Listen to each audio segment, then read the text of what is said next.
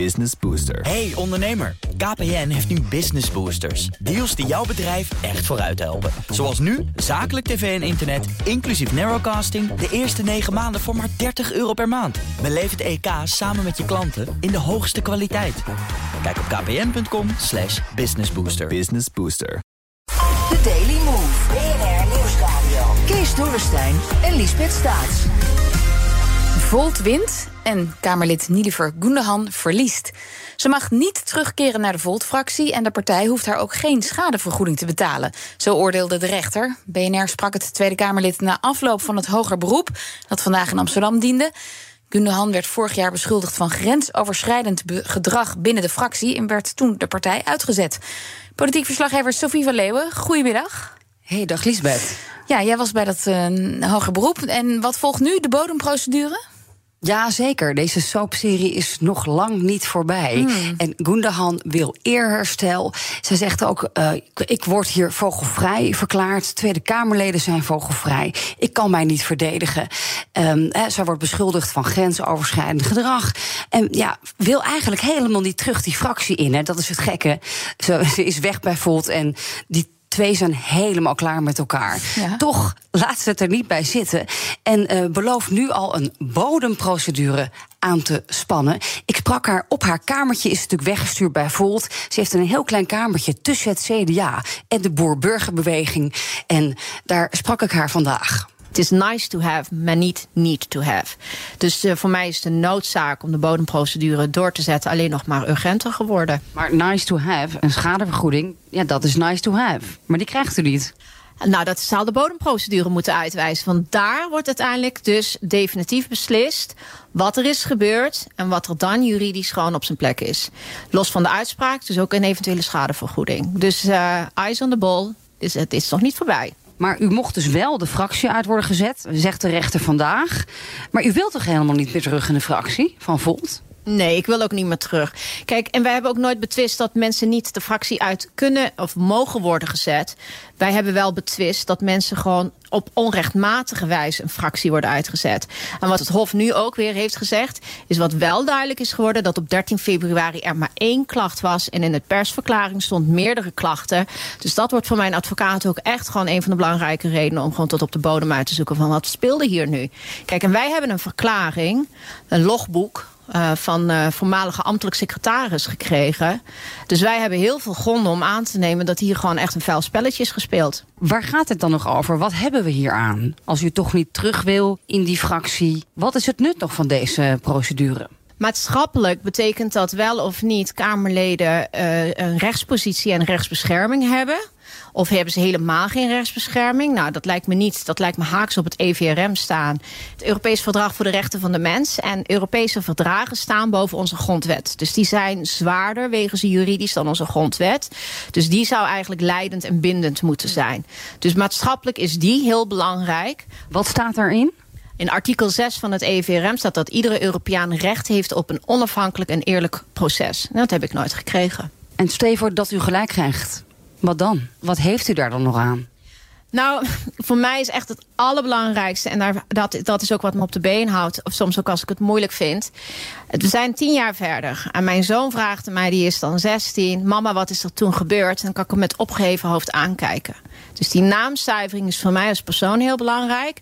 Maar ik weet van meerdere Kamerleden... die hopen dus dat er wel een uitspraak komt... dat er wel enige rechtsbescherming is.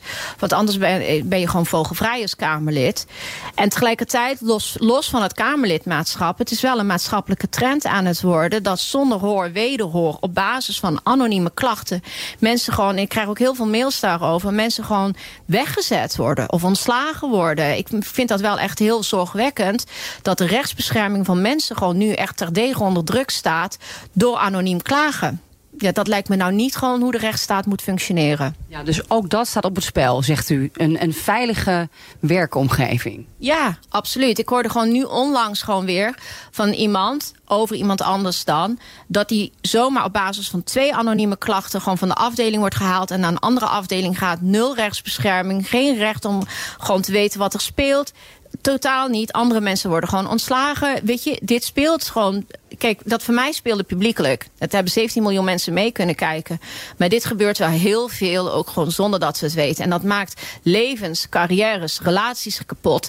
En we hebben ooit bedacht dat mensen recht hebben op rechtsbescherming, zodat je gewoon ook een eerlijk proces krijgt. Gewoon bij de werkgever, in het openbaar domein, noem het maar op. En dat wordt nu wel van mensen afgestript. Dat lijkt me niet de juiste route en de juiste ontwikkeling in de samenleving. En dat zegt ex-Volt-Kamerlid Nilofer Gundogan. En zij zegt, het gaat niet alleen om mij, dit staat voor iets veel groters. En ze denkt ook dat ze gelijk gaat krijgen. Ja, Ronald van Raak, hoogleraar Erasmiaanse waarden in Rotterdam. Hij zat jarenlang voor de SP in de Tweede Kamer. En hij is ook bij ons vanmiddag. Goedemiddag. Ja, goedemiddag. Ja, klopt het? Zoals uh, zegt, ben je als Kamerlid inderdaad vogelvrij? Uh, nee, maar ze haalt ook een hele hoop dingen door elkaar. En ah. ik probeer een beetje te begrijpen wat ze bedoelt. Maar volgens mij uh, haalt ze vooral door elkaar dat je als Kamerlid geen werknemer bent. ze doet alsof ze nu ontslagen is uit de fractie en daar wil ze ook een vergoeding voor. Maar je bent niet een werknemer. Je bent gekozen. Je bent een gekozen Kamerlid. En dan ben je onafhankelijk. En niemand kan haar wegsturen uit de Tweede Kamer.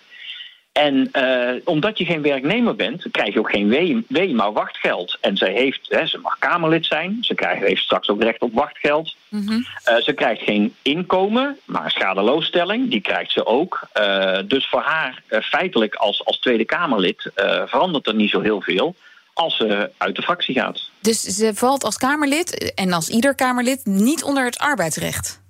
Nee, precies. En dat doet ze wel een beetje voorkomen. Uh, en ze zegt dat ze geen eerlijk proces heeft gehad. Nou, dat is natuurlijk ook niet waar, want die, uh, de, de, rechter heeft uitspraak gedaan. Uh, de Hoge Raad heeft uitspraak gedaan. Waar ze denk ik vooral aandacht voor vraagt, zijn anonieme beschuldigingen. Daar, dat is natuurlijk wel een, een, een belangrijke kwestie. Uh, dat je anoniem beschuldigd kunt worden en dan uh, uh, ja, jezelf moeilijk zou kunnen verdedigen. Nou, daarom is het ook belangrijk dat politieke partijen en alle organisaties daar heldere en duidelijke regels voor hebben. Maar het is wel aan die organisatie zelf om te bepalen of jij Kamerlid mag zijn voor Volt of geen maar, Kamerlid mag zijn voor Volt. Maar het is toch kennelijk wel een grijs gebied. Want eerst geeft de rechter Gundogan gelijk en dan in hoger beroep weer niet. Waarom is er ja, zoveel die... discussie over? Nou, omdat die eerste rechter eigenlijk een hele rare uitspraak heeft gedaan. Die heeft gezegd, ze moet terugkeren in de fractie. En ze krijgt ook nog daarvoor geld uh, als een soort boete. Terwijl, ja, je wordt gekozen als lid van de Tweede Kamer. Er zijn 150 leden van de Tweede Kamer. Die kunnen met elkaar een fractie vormen.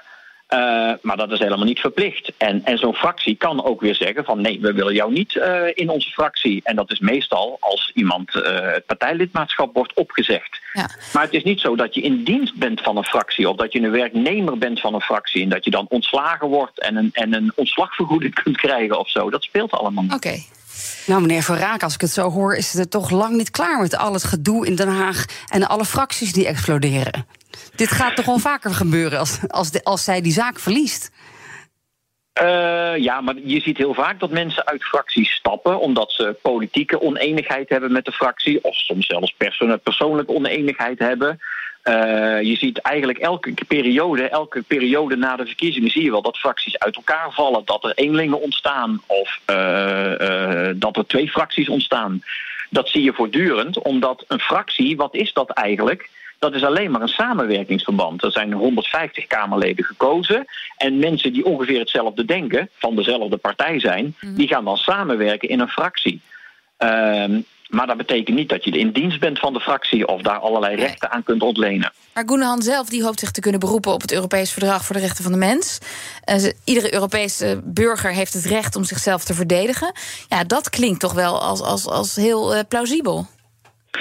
Uh, ook daar lopen weer een aantal dingen door elkaar. Ze heeft natuurlijk gewoon een rechtszaak. Dus de rechter heeft uitspraak gedaan. Dus er is gewoon een rechtszaak geweest. Uh, iets anders is natuurlijk dat zij zegt: ik kan mij heel moeilijk verdedigen tegen uh, beschuldigingen. Ja. Uh, dat, dat kan zijn, of dat kan niet zo zijn. Maar dat heeft met deze rechtszaak niks te maken. Want deze rechtszaak gaat erover of zij uit de fractie kan worden gezet ja. of niet. En dus... in principe kun je gewoon uit een fractie worden gezet. Dus als zij bij BNR zou werken en wel werknemer zou zijn, dan zou het een heel ander verhaal zijn. Ja, precies. Dan ben je werknemer in een organisatie en dan kun je niet zomaar ontslagen worden. Maar zij wordt ook niet ontslagen, want ze krijgt gewoon, ze blijft Kamerlid. Ze krijgt gewoon elke week, uh, elke maand haar vergoedingen. Ze krijgt straks recht op een wachtgeld. Dus uh, in die zin, haar, haar, ja, haar arbeidsvoorwaarden veranderen niet. Nee. Sophie, hoe oh, gaat het nu verder? Want er volgt nog een bodemprocedure dus. Hoe lang duurt dat? Ja, nou, die moet nog beginnen. En als ik Gundogan zo hoort, dan wil ze daarna nog uh, zelfs naar het Europese Hof voor, uh, ja. stappen uh, vanwege dat verdrag voor de rechten van de mens.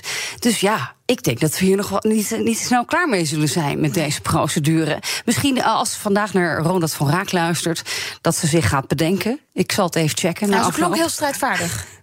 Nou, zij wil echt ook natuurlijk, zoals ze zegt, um, haar imago haar, verdedigen. Haar naam, haar reputatie. Want anders, ja, dan is het misschien ook wel snel voorbij over twee jaar na de verkiezingen in Den Haag. Dus uh, zij heeft, er staat voor haar natuurlijk heel veel op het spel. En zij geeft vooralsnog nog lang niet op. Dankjewel, Sophie van Leeuwen. En dank Ronald van Raak, hoogleraar Erasmiaanse Waarden in Rotterdam.